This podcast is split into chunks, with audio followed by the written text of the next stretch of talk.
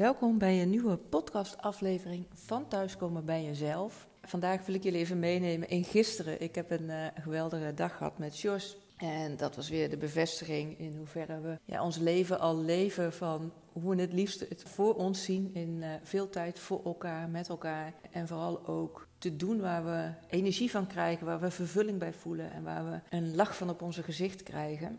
En het begon in ieder geval uh, gisteren met rustig wakker worden in bed met een cappuccinootje erbij. En ik zit dan een beetje op mijn social media te scrollen. Te, ja, reageer dan op de DM's die ik heb gehad. En Jos die is met zijn eigen dingetjes bezig. Uh, vaak staat de televisie aan op de achtergrond op een of andere reality-serie. Wat we echt ontzettend uh, leuk vinden allebei om te volgen. Waarbij ik me altijd weer verbaas over hoe mensen met elkaar om kunnen gaan. Of hoe ze naar zichzelf kijken of vooral niet naar zichzelf kunnen kijken. Ja, ik vind dat echt uh, mega mooie televisie. Dus ik, ik geniet daarvan door daar mee te kijken op, op de achtergrond. Terwijl ik ook wat andere dingen aan het doen ben. En dan kun je het hebben over bijvoorbeeld B&B vol liefde. Maar we zijn nu het seizoen uh, Married at First Sight, Match or Mistake aan het kijken. Ja, en dat kunnen we echt allebei, ons, ja, nogmaals, ontzettend van genieten. Om, oh, nee, dat is misschien het verkeerde woord. Maar het intrigeert ons beiden hoe mensen daarin met elkaar om kunnen gaan. En, en zichzelf zien.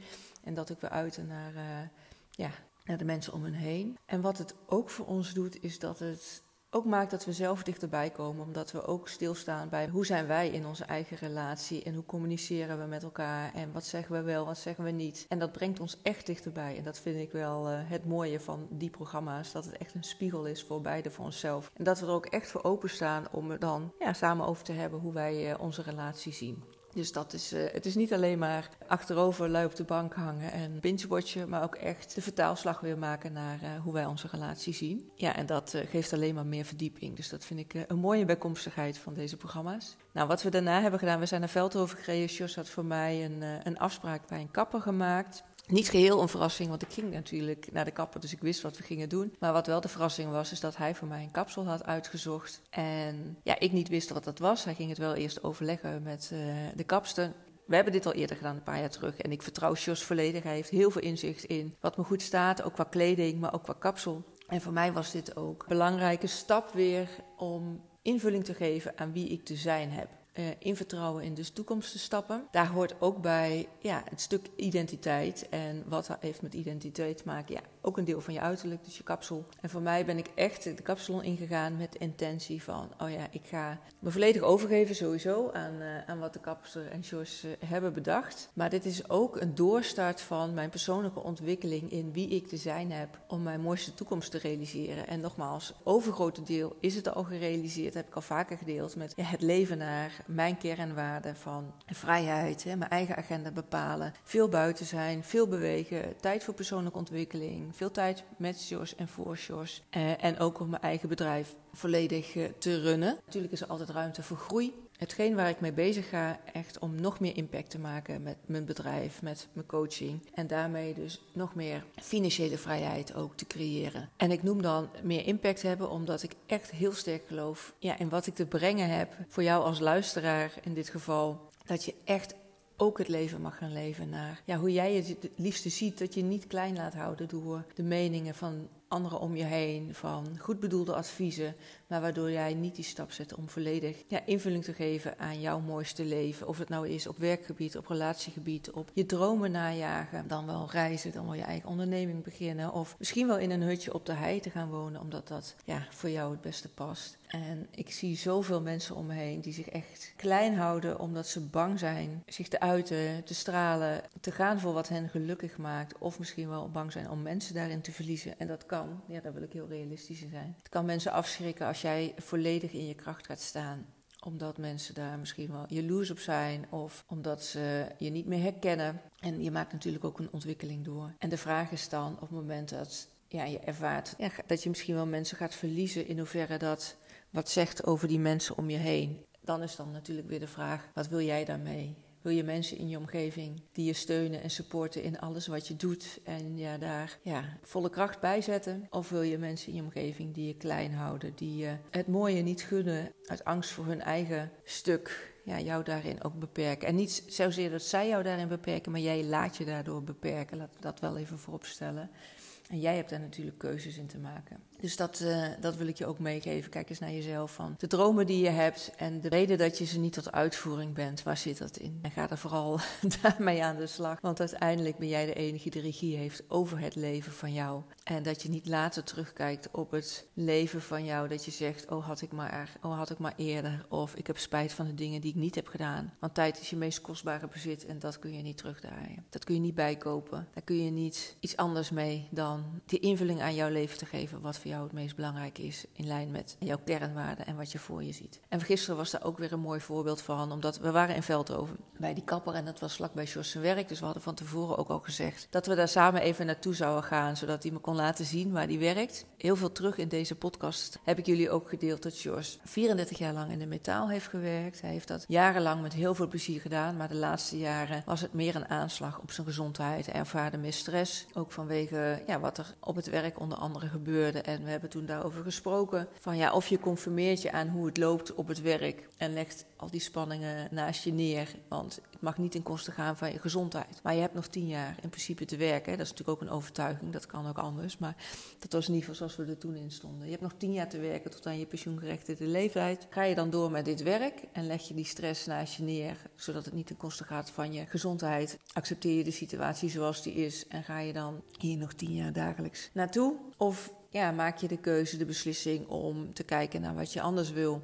En ja, ga je daar stappen in zetten. En Jos heeft toen de tijd voor zichzelf genomen, dat in overweging genomen. Daar hebben we veel over gesproken. En heeft toen ook in overleg met zijn uh, werkgever, is hij, uh, is hij daar toen weggegaan. Heeft een loopbaancoach in de arm genomen om te gaan ontdekken, ja, maar wat wil ik dan wel? Want als je al heel lang, jarenlang ergens in zit, ja, dan is het ook moeilijk om te zien wat er dan voor andere mogelijkheden zijn. Nou, geloof ik ook niet in dat ik als partner zijnde voor Jos de beste coach ben. Of degene die daarin uh, hem kan bijstaan. Dus daar heeft hij iemand anders in de arm genomen. Natuurlijk hebben we er wel veel over gesproken. En hij heeft ook wel aangegeven dat door de gesprekken die wij hebben gehad, dat hij daar echt ja, door getriggerd is geraakt om, om dit te gaan onderzoeken. En ook echt zich gesteund voelt om deze stap te zetten. Dus dat vind ik natuurlijk ontzettend mooi om te horen. En dat ik daar ook die bijdrage in heb kunnen geven. En sinds een paar maanden werkt hij nu dus in uh, Veldhoven bij de ouderenzorg in oktober. En ja, ik heb al gezien hoe hij daar van thuis komt elke keer weer. Dat hij echt met een dikke lach op zijn gezicht thuiskomt, stralende ogen, met verhalen thuiskomt. Waarin je echt terug hoort en voelt dat hij ontzettend blij is met wat hij nu doet. Dat hij voldoening ervaart, dat hij de verbinding voelt met de mensen met wie hij werkt. Sowieso de, de ouderen waar hij, voor,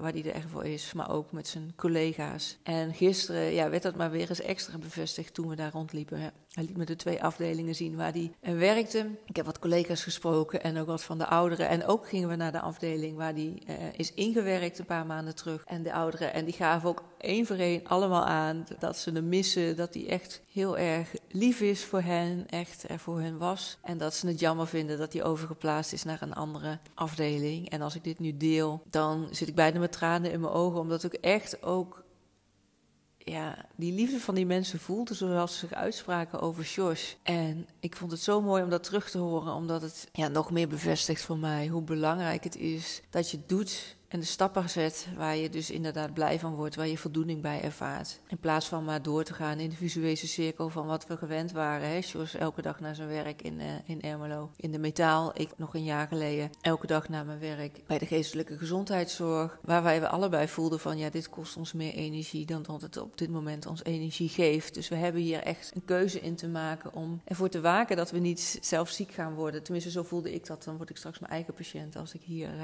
blijf werken.